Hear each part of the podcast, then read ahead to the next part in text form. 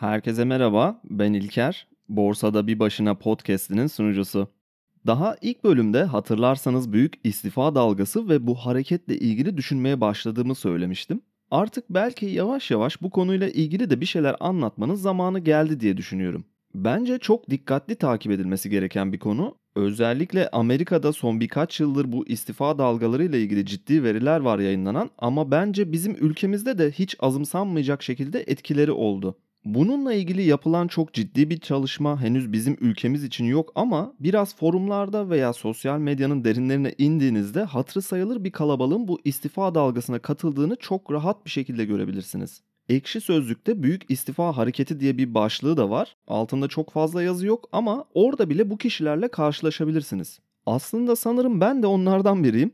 Bunu istifa ettikten sonra fark ettim ama İlk bölümden itibaren dinleyenlerin bildiği gibi tam yıl başında uzun süredir çalıştığım şirketimden ayrıldım. Bunu yaparken çevremde ve ailemde hatta iş arkadaşlarımda bana deli gözüyle bakan bir kalabalıkla karşılaştım. Çünkü ne yapacağımla ilgili çok bir fikrim yoktu ama artık yapmakta olduğum şeyi yapamayacak kadar da bir eşik seviyesine gelmiştim. Özellikle pandemi döneminin yavaş yavaş normalleşmeye başladığı bir dönemde büyük bir kalabalığın kendi isteğiyle veya şirketlerin küçülmeleriyle işten ayrıldığı ve mantıksal yaklaşınca bu büyük kalabalığın iş aramaya başladığı bir dönemde ben istifa etmeye hazırlanıyordum. Bu karara çok daha öncesinde ulaşmıştım aslında fakat harekete geçmem en az birkaç yılımı aldı. Yani ani ve bir sinir anında verilmiş bir karar değildi. Yakın çevremdekiler bunu biliyordu ama yine de pek anlamlandıramıyorlardı durumu. Bu bölümde işte bu karara nasıl ulaştığımı detaylı bir şekilde anlatmaya çalışacağım. Ayrıca 8 aydan fazla bir süredir resmi olarak işsiz biri olarak neler yaşadığımı veya en azından kısa vadeli sonuçlarından bahsedeceğim.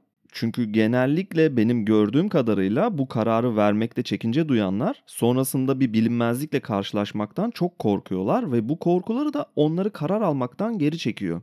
Tabi burada hemen herkese yarın gidin işinizden istifa edin gibi bir öneride bulunmuyorum fakat o son noktaya gelen bardağı taşırmaya ramak kalan anlardaki kişilere belki bir dost sohbeti gibi kendi tecrübelerimi aktaracağım. Ayrıca büyük istifa terimini ve bu durumu ortaya atan ilk kişi Anthony Klotz'a göre bu durum sadece pandemi dönemiyle açıklanabilecek kadar basit bir durum değil. Altında çok daha derin bir problemi barındırdığını söylüyor ve ben de bu derin problemi kendi adıma hissettiğimden dolayı böyle bir karara vardığımı çok iyi biliyorum.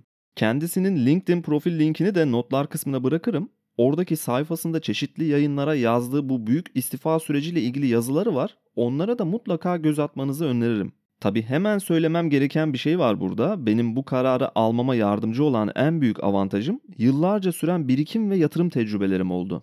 Zaten uzun yıllardır ciddi bir şekilde birikim yapıyordum. Bu birikimleri kendimce uygun gördüğüm yatırım alanlarında değerlendiriyordum ve kendimi güvenli hissettiğim anda da tetiği çektim. Zaten bu podcast yayınlarında da yatırım ve birikim konusunda kendi tecrübelerimi aktarmaya çalışıyorum. Olaya biraz daha düşünsel yaklaşıyorum genelde ama elbette yatırım kararları alırken sadece felsefe yapmak yeterli olmuyor.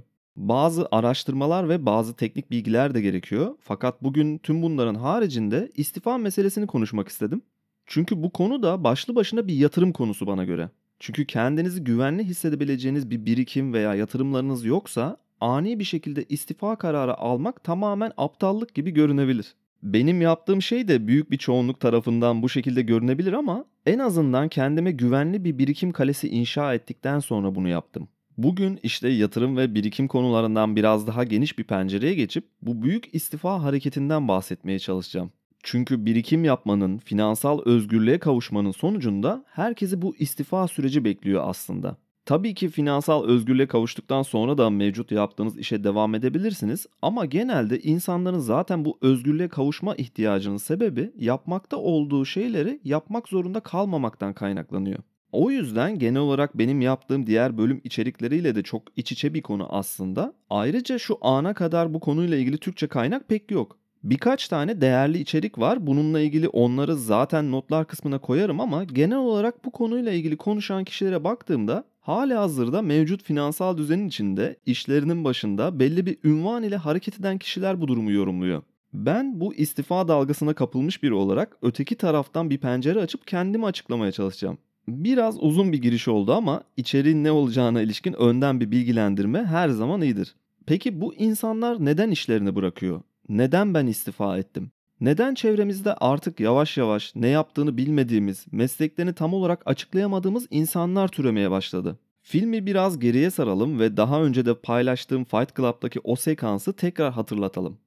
Bütün bir nesil benzin pompalıyor, garsonluk yapıyor ya da beyaz yakalı köle olmuş. Reklamlar yüzünden araba ve kıyafetler peşinde koşuyoruz. İhtiyacımız olmayan saçma sapan şeyleri alabilmek için nefret ettiğimiz işlerde çalışıyoruz. Bizler tarihin ortanca çocuklarıyız. Bir amacımız ya da yerimiz yok.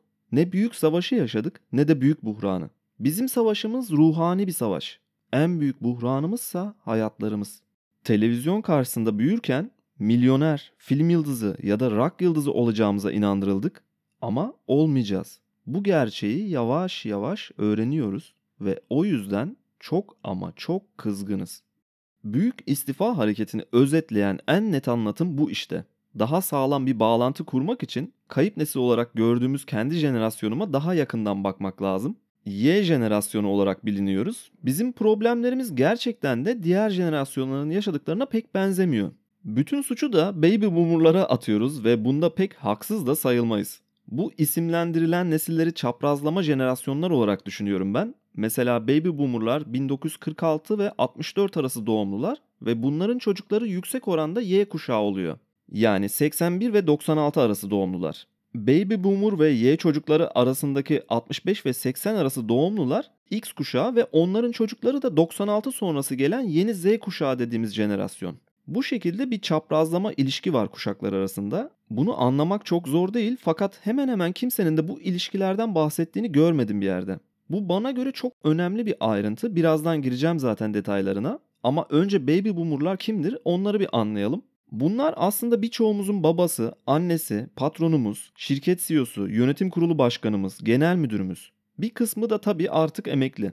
Aramızda bir nesil fark var gibi görünüyor ama arada bir X kuşağı da var. Bu X kuşağı da artık yavaş yavaş baby boomerlardan bu pozisyonları almaya başlayan kişiler. Bu bağlantıyı iyi anlamak gerek çünkü şu anda Y kuşağının büyük oranda dahil olduğu bu büyük istifa denen hareketle ciddi bir bağlantısı olduğunu düşünüyorum. Özellikle annelerimiz, babalarımız, patronlarımız olan baby boomer kuşağının da bunda büyük bir payı var. İkinci Dünya Savaşı sonrasında kalan askerlerin evlerine dönmesiyle ve ülke ekonomilerinin yeniden canlanma hareketleriyle birlikte tüm dünyada büyük bir nüfus patlaması yaşandı. Bu ayrıca teşvik edildi çünkü çalışacak, üretecek, tüketecek yeni bir nesil lazımdı. Bu bitmek tükenmek bilmez savaşlar yüzünden birçok nesil kayboldu. İşte baby boomerlar böyle bir dünyaya geldi birçok alanda birçok iş gücü eksikliğinin olduğu, ekonomilerin yeniden start almaya başladığı ve oyunun yeniden kurulmak zorunda olduğu bir zamanda yetiştiler. Tabii ki zor şartlarda büyütüldüler. Bunu anne ve babalarımızdan sürekli dinledik. Fakat pek itiraf etmeseler de önlerindeki iş ve meslek imkanları daha önce başka hiçbir kuşağa sunulmadı. Türkiye'deki köy enstitülerinin, öğretmen okullarının yetiştirdiği insanlar bunlar. İstekli olana ve arzulu olana Tabi biraz da imkanlar el verirse hayatlarını kurabilmeleri için büyük bir fırsat kapısı açılabiliyordu. Bu sadece Türkiye için de geçerli değil. Tüm dünya üzerindeki bu bebek patlamasıyla yaratılan bu yeni nesil savaşın bebekleriydi ve onlara çok iyi bakılmalıydı. Tabii ki birçok zorluk yaşadılar. Bunları özellikle atlamak istemiyorum. Hatta önemli bir konu çünkü onların yaşadıkları zorluklar şu anda Y kuşağının istifa hareketinin kıvılcımı olan sıfır noktası bana göre. En azından kendi adıma bunu deneyimledim ve istifa ettim. Ve bizim adımıza bu istifa hareketlerini yorumlamaları yerine içeriden ve bu kayıp kuşağa ait biri olarak kendi tecrübelerimi anlatmak istiyorum. Ayrıca yeni yeni iş dünyasına atılan ve fare yarışının içine giren Z kuşağının durumu bizden daha vahim gibi görünüyor. Baby boomer kuşağıyla yani anne babalarımızla büyük bir çatışmamız var çünkü bizi anlamadıklarını düşünüyoruz. Bu da çok doğal çünkü onlar savaşın bebekleri olarak sıfırdan başlayan bir nesil Bizler düzeni artık oturtulmuş bir dünyaya doğduk. Birbirimizi anlamamamız bu yüzden çok normal. Fakat ortada ufak bir sorun var. Bu nesil daha güvenli hareket etmeye çalışan, her zaman savunma içgüdülerini ön planda tutan bir nesil. Artık bırakmaları gereken koltukları bir türlü bırakmıyorlar. Bizlere çocuklarına daha iyi imkanlar sağlama içgüdüsüyle emekliliklerini alıp çalışmaya devam ediyor birçoğu.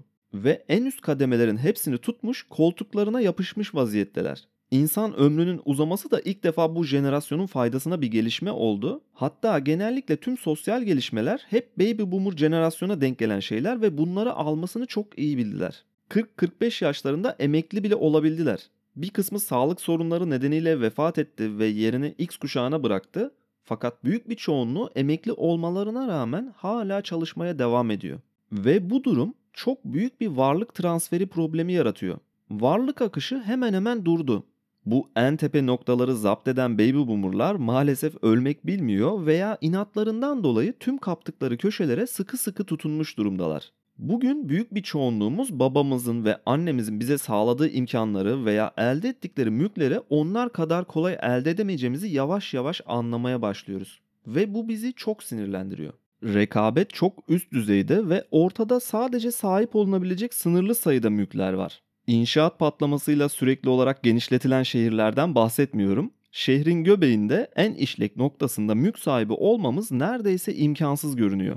Ve daha rekabetçi bir iş ortamında özellikle Bitcoin ile ilgili bölümlerde bahsettiğim tüketim toplumu ve enflasyon ilişkisinden dolayı sürekli borç altında yaşamak zorunda olduğumuzu anladığımızda büyük bir depresyon yaşıyoruz. Belki bizler köyden 10 kilometre mesafede okula yürüyerek gitmek zorunda kalmadık ama gittiğimiz okullarda eğer özel okul değilse 60-70 kişilik sınıflarda okuduk. Fırsat eşitliğinin olmadığı bir zamanda büyüdük. Aynı durumu iş hayatına atıldığımızda da yaşadık. Girebileceğimiz sınırlı sayıda başlangıç pozisyonları vardı ve aynı pozisyona girmek isteyen çok sayıda başvurular vardı hep. Büyük bir rekabetçi ortamda ayrıca özellikle bizim ülkemiz için liyakatın olmadığı eleklerden geçtik ve bir şekilde iş hayatına atıldık. Ben buna ayrıca yabancıların dediği gibi fare yarışı diyorum. Bunun mental açıdan bir mantığı var aslında. Bir tekerleğin içine atılıyoruz ve bu döngüden çıkmamız da istenmiyor. Nedir bu döngü? İş bul, maaş al, faturaları öde, birikim yapmana imkan vermeyecek şekilde harca, evlilik, ev, araba, çocuk yap, kredi çek, borçlan, sonra borçlarını ödemek için daha iyi bir iş bul veya daha çok maaş elde etmeye çalış. Bu döngünün en kritik noktası olarak da o tekerleği çevirmeye başladığımız nokta olarak görülüyor. Yani çalışmak. Fakat çalışmayı öyle sınırlı bir alana oturtuyoruz ki bunu başkası adına yapmaktan başka bir yolumuz olmadığını düşünüyoruz. Ve bu fare yarışından da kolay kolay çıkabileceğimizi düşünemiyoruz. Aslında bir tekerleğin içinde olduğumuzun bile farkına varamıyoruz çoğu zaman. Bu dizayn eğitim sistemiyle birlikte başlıyor zaten. Sanayi devriminden sonra özellikle 1. ve 2. Dünya Savaşları sonunda ilk meyvelerini Baby Boomer jenerasyonuyla verdi bu eğitim sistemi. Tamamen sanayi devriminin teorileriyle içinde bulunduğumuz teknoloji çağını yönetmeye çalışıyoruz ve bazı noktalarda bazıları için kısa devre yapıyor bu sistem. Okullarda 40-45 dakika ders, 10 dakika teneffüs verilerek iş dünyasına hazırlanıyoruz. Anlamsız ödevlerle ileride üzerimize yüklenecek anlamsız iş görevlerinin öğrenilmişliği simüle ediliyor. Yani bütün gençliğimiz boyunca ileride geleceğimiz o yüksek pozisyonlar için eğitimlerden geçirildiğimiz hissettiriliyor. Tyler Durden'dan o alıntıyı tekrar yapmamın sebebi de bu aslında. Ailemiz ve öğretmenlerimiz tarafından büyütülürken genel müdür, fabrika sahibi, yönetim kurulu başkanı olacağımıza inandırılıyoruz. Ama olmayacağız. Bu gerçeği yavaş yavaş öğreniyoruz ve o yüzden çok ama çok kızgınız. Z jenerasyonu için bu durum çok daha kötü çünkü onlar dünyanın en değerli çocukları olarak yetiştirildi aileleri tarafından. Çok daha büyük bir şokla karşılaşıyorlar iş dünyasına atılınca. Henüz fare yarışının tam olarak farkına varamadılar belki ama çok daha büyük bir toplumsal zemin kayması onlar 30-40 yaşlarına geldiğinde yaşanabilir. Büyük istifa hareketini incelediğinizde en büyük istifa oranlarının 30-45 yaş aralığında olduğunu görüyorsunuz. Ne tesadüf ki bu da Y kuşağını işaret ediyor. En büyük sebeplerinden biri bu mülkiyet problemi demiştim. En azından ben kendi adıma bu şekilde düşünüyorum. Çünkü 35 yaşını geçmiş biri olarak kendi hayatıma baktığımda ve bunu dönüp baby boomer babamın, annemin o yaşlardaki zamanıyla karşılaştırdığımda büyük bir problem olduğunu görebiliyorum. Onların elde ettikleri mülklerin belki yarısını elde edememiş biri olarak ve bundan da kötüsü o seviyeye gelebilmek için çok daha uzun bir süre beklemek fikri Y kuşağını çok kızdırdı. İnsan kendisini sürekli ebeveynleriyle kıyaslar. Bunu çok sık bir şekilde ben de yapıyorum. Tabi biraz da yetiştirilme tarzıyla alakalı olarak kendi adıma en azından şanslı biri olduğumu görüyorum. Çünkü en azından birikim yapmaya çok erken bir zamanda başladım. Bu podcast yayınlarında da anlatmaya çalıştığım şey de zaten birikim yaparak insanların kendi özgürlüklerini kendi ellerine almalarını sağlamaya yardımcı olmak. Problemi biraz da belki kendi adıma erken keşfetmenin sonucunda 10 yıla yakın bir çalışma hayatını bir daha geri dönmemek üzere bitirdim. Fakat bu bir daha hiç çalışmamak anlamına gelmiyor. Tam olarak yaptığım şey de bu büyük istifa dalgasında diğerlerinin yaptığı aslında. Sadece Amerika'da Covid dönemiyle birlikte yaklaşık 40 milyon insan iş değiştirdi. Bunun büyük bir kısmı benim gibi düşünen insanlar ve bunu bizden büyük jenerasyonların dikkate almasını sağlayan da bu istifa oranları zaten. Aylık ortalama 4-5 milyon insan istifa etti Covid döneminde. Bu sadece Amerika'da. Bana kalırsa tüm dünyaya yayılmış bir durum fakat başka bir yerden bu konuyla ilgili çok fazla araştırma olmadığından bu dalganın büyüklüğünü tam olarak bilemiyoruz. Fakat görüyorum ki bizim ülkemizde de gayet yaygın bir şekilde istifa maillerini daha sık alıyor artık şirketler. Şimdi bu istifa hareketine bir temel kurduğumuzu düşünüyorum. Özellikle en büyük nedeninin kuşak çatışmasından kaynaklandığını düşünüyorum. Tam bu noktada bir de burnout meselesine girmekte fayda var. Tükenmişlik sendromu yani. Bugün çalışanların büyük bir kısmı belki farkında olmasa bile ciddi bir tükenmişlik problemiyle karşı karşıya. Özellikle hizmet sektöründe çalışan kesim için bu durum daha ciddi bir boyutta. Aslında direkt bir alakam olmasa bile eski inşaat mühendisi olarak çalıştığım şirkette bir tesis yöneticiliği yaptığımdan ve işimiz de aşağı yukarı bir hizmet işi olduğundan kendi adıma büyük problemler yaşadım. Özellikle kişilik olarak genellikle karşı tarafı memnun etmeye yönelik yapıda olan insanlar hizmet sektöründe aşırı zorluk yaşıyor. Çünkü müşteriyi memnun etmek için elinizden geleni yapıyorsunuz fakat bir süre sonra fark ediyorsunuz ki siz kendinizden verdikçe bunun karşı tarafta bir değeri yok. Veya yaptığınız özveriler şirketiniz tarafından da takdir edilmiyor. Takdir zaten yok iş hayatında. Bunu da bu yaşlara gelene kadar anlamanız gerekiyor aslında. Sanayi devriminin katı atıklarıyız biz ve ekonomi motorunun çalışması için bulunan küçük dişlileriz sadece. Göreviniz olan bir şey için takdir beklemek çok saçma görünüyor baby boomerlara fakat biz sürekli takdir ve teşekkür edilerek yetiştirilen bir nesil olduk. Özellikle hizmet sektörü diyorum çünkü insanlarla birebir iletişimde olan bir sektör bu. Her çeşit ve her sosyal seviyeden insana karşı üst düzey bir performansla onları memnun etmeniz bekleniyor. Direkt olarak insanla ilişkisi olmayan işlerde bu tükenmişlik sendromunu çok daha az görüyoruz. Fakat ucundan kıyısından hizmet sektöründe özellikle müşteriyle ilişkili olan çalışanlar bir süre sonra enerjisiz kaldıklarını hissediyorlar. Kendilerinden o kadar veriyorlar ki karşı taraftan bir şey almadan bir süre sonra büyük bir depresyona giriyorlar farkına bile varmasalar. Yılda bir kez bir haftalığına her şey dahil bir otelde ufak bir detoksa girip tekrar devam edebileceklerini düşünüyorlar. Şirketler de özellikle artık kafayı sıyırmak üzere olan çalışanlarını izne göndermek için teşvikte bulunuyorlar. Çünkü tekrar enerji toplayıp eskisi gibi fazla verici bir şekilde yüksek performansla çalışabilmesini istiyorlar. Amerika'da bu istifa hareketine bakıldığında en yüksek istifa oranlarının hizmet sektörlerinde olduğu görülmüş. Bu durum çok da şaşırtmadı beni. Pandemi bu istifa dalgasının büyük bir katalizörü olarak görünüyor fakat durum bana göre pek öyle değil. Çünkü kendi adıma konuşursam ilk istifa denememi 2019 yılında yapmıştım pandemi yokken. Beni artık rica ediyorum bırakın gideyim gibi bir cümle kurmuştum hatta. Onun yerine daha rahat bir çalışma ortamı sağladılar. Maaşıma zam yaptılar. Daha fazla destek alabileceğim bir tesise transfer ettiler. Benden önceki yönetici 25 yıl orada aynı koltukta oturmuş. Gittiğimde koltukta izi vardı resmen adamın. Tekrar dönüp bir organizasyon şemasına baktım. Benim üstümde bölge müdürü, onun üstünde genel müdür ve onun üstünde yönetim kurulu başkanı. Genel müdürlük kademesinin iki tık altındayım. Şema bu ve ben buna baktığımda kendimi yakın veya uzak bir gelecekte en azından genel müdür olarak göremiyordum. Belki 5 sene sonra bölge müdürü olabilirdim ama ondan sonra 15 sene aynı koltukta da kalabilirdim. Belki şansım da biraz yaver giderse 20 sene sonra belki genel müdür olabilirdim ve bunun olma ihtimali birçok farklı etkenle birlikte %1 civarında bile değil. Bunu fark ettiğinde ve özellikle ciddi bir tükenmişlik problemi yaşıyorsanız yolun sonuna geldiğinizi de fark ediyorsunuz. Bu noktada önünüzde iki tane yol var. Ya aynı koltukta oturup baby boomerların artık kenara çekilmesini bekleyeceksiniz ki bu çok yakın bir zaman değil ya da şirket değişikliğine gideceksiniz. Fakat kimsenin görmediği üçüncü bir yol daha var. İstifa edip başka bir bilinmezliğe gitmek. Bunu pek kimse anlamıyor. Zaten o yüzden buna büyük istifa hareketi diyorlar şu anda. İşte bu harekete katılmış kişiler bana göre üçüncü yolu tercih edenler. Bunu ayrıca çok çılgın bir şekilde hiçbir birikimi olmadan yapanlar da fazla. Özellikle tabii yurt dışı için geçerli bu durum.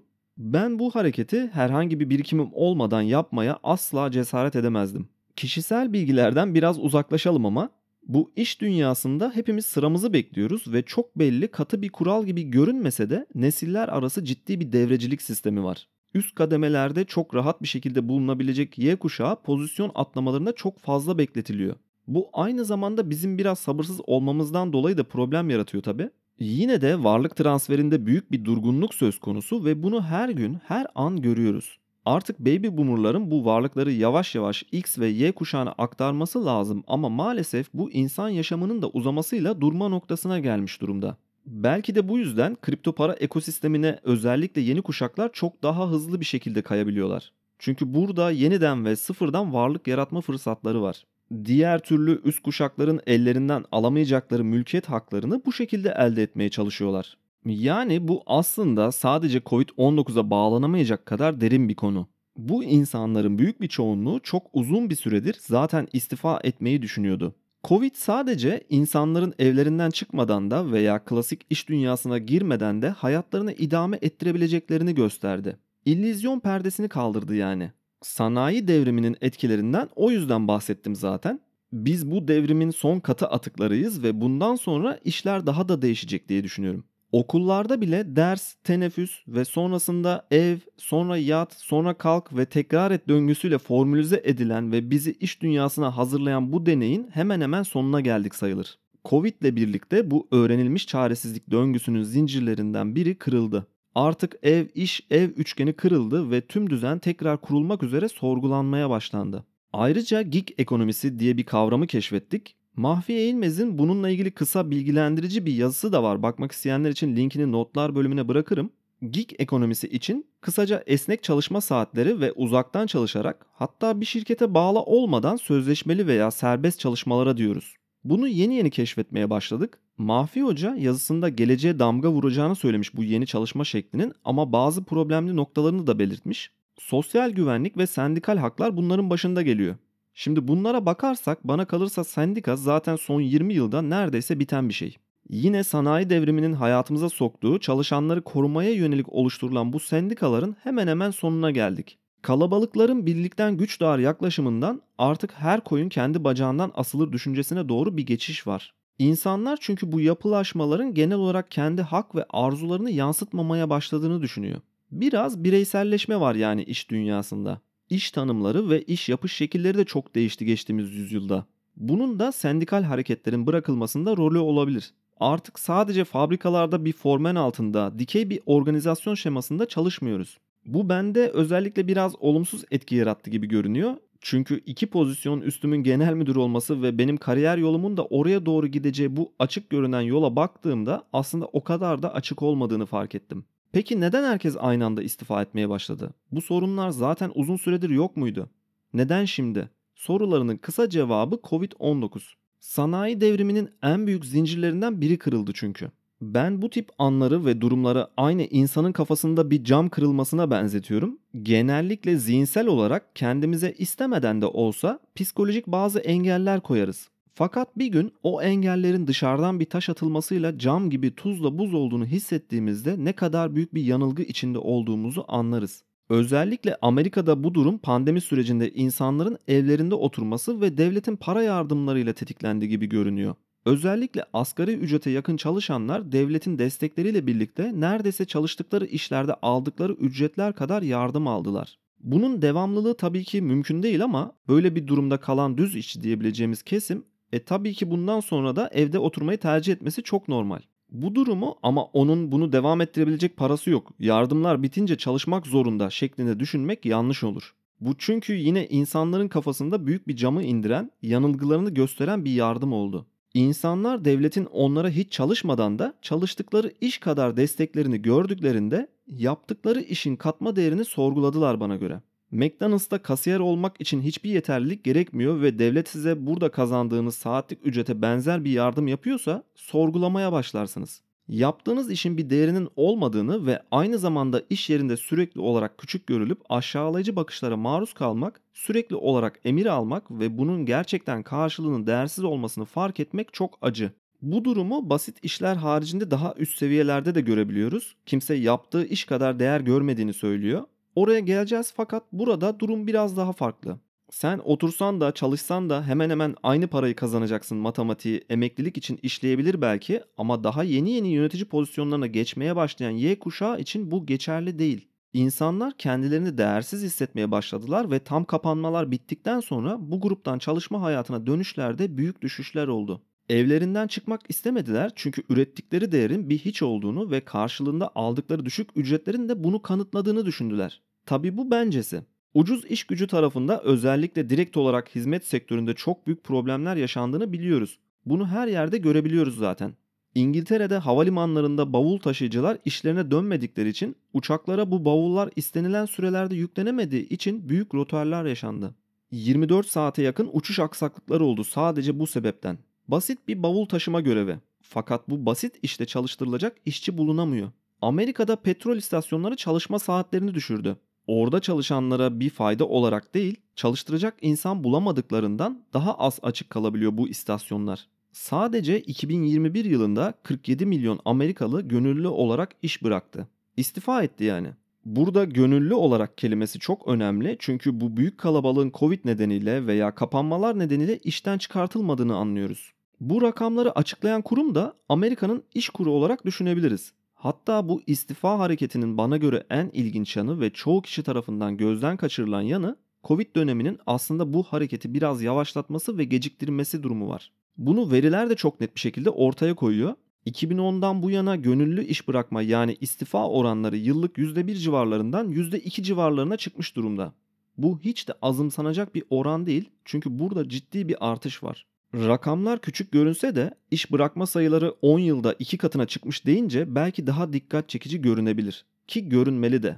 Covid döneminde bu oran bir yıllığına tekrar düşüşe geçti. Buna kendimden de örnek verebilirim çünkü ilk iş bırakma isteğimi şirketime ilettiğimde dediğim gibi bazı iyileştirmeler yapıldı ve tam bu sırada pandemi patladı. İnsanlar ilk kıyamet senaryolarını çizdiği dönemde daha güvenli hissetmek için işlerine daha sıkı bağlanmaya çalıştı. Bunun sağlaması olarak 2020 yılında istifa oranları düşmüş görünüyor zaten verilerde. Fakat burada biriken stres 2021 yılında daha büyük bir şekilde açığa çıktı. Yani bu büyük istifa hareketine 2021'de daralmış istifa rakamlarının 2022 ile birleşmesi durumu da var. Finansçıların diliyle ertelenmiş talep etkisi 2022'de kendini göstermiş gibi görünebilir. Fakat durum sadece bununla da açıklanamaz.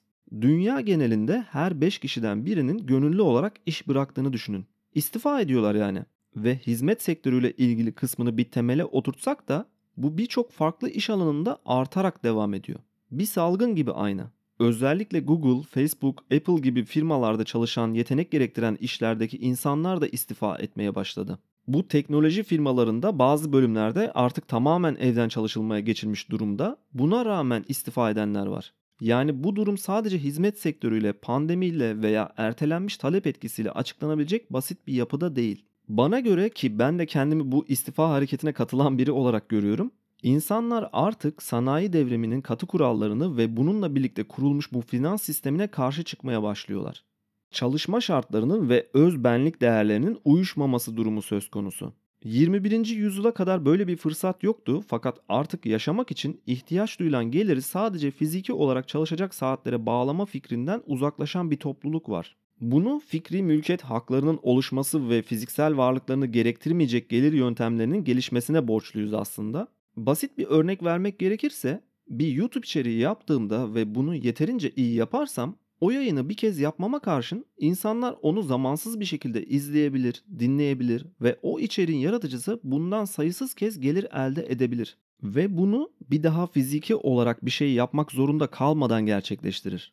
Bu kısaca bir fikri mülkiyet hakkıdır ve karşılığı bugünlerde daha iyi anlaşılmaya başlandı. Yine çalışanların bir kısmı sadece maaş alarak bu finansal düzen içinde kendi ebeveynleri kadar veya genel olarak baby boomer kuşağı kadar bir mülk elde edemeyeceklerinin farkına varmaya başladı. Çünkü finansal düzen buna pek izin vermiyor.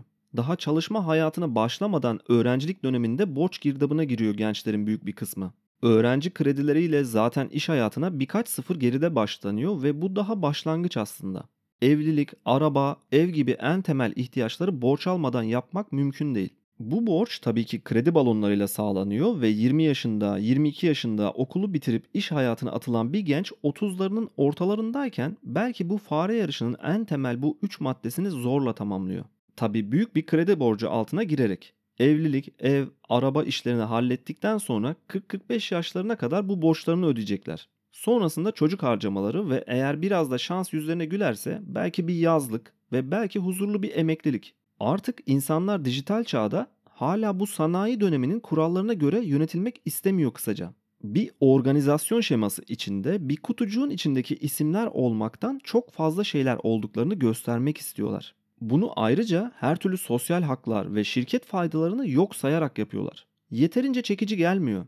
Şirketler insanlara istifa etmeyecek düzeyde maaş öderler. Çalışanlar da patronların onları işten çıkartmayacağı kadar çok çalışırlar. Denkleminde bozulan bir şeyler var. İnsanların başkası adına evden dışarı çıkmalarını sağlayacak bir başka fare yarışı icat edilene kadar sanırım bu istifa oranları artarak devam edecek.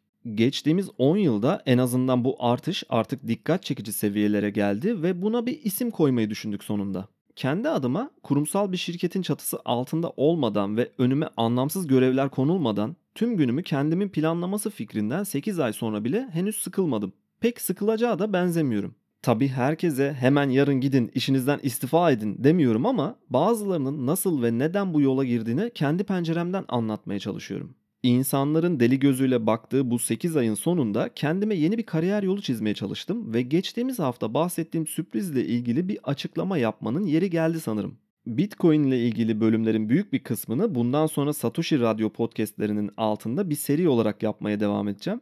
Tabi burada da Bitcoin ile ilgili yapacağım şeyler olacak ama genel olarak BTC Türk çatısı altında Satoshi topluluğu içinde saf Bitcoin içerikleri çıkartacağız. Oraya da bir bakmanız beni çok mutlu eder. Sanırım ilk bölüm kısa bir zaman içinde yayına verilmiş olur. Tüm hayatımı şekillendiren ve dünyaya bakışımı değiştiren Bitcoin ile ilgili bir şeyler yapıyor olmak benim için çok heyecan verici. Çünkü finansal özgürlük ve ondan daha kapsayıcı olarak bireysel özgürlüklerim konusunda farkındalıklarımı ilk defa Bitcoin'i anlamaya çalıştığımda yakaladım. Ve bu benim için her şeyi değiştirdi. Robert Frost'un şiirinde geçtiği gibi bir ormanda ikiye ayrılınca yol, daha az gidilmiş olanı seçince küçük bir ayrıntı gibi görünse de büyük bir fark yaratan, her şeyi değiştiren yeni bir başlangıcın ilk adımlarını atmış oluyorsunuz. Bu haftalık benden bu kadar. Umarım keyif almışsınızdır. Açıklamalar kısmında yer alan mail veya Twitter hesabım üzerinden soru ve görüşlerinizi iletebilirsiniz. Bir sonraki bölümde görüşmek üzere.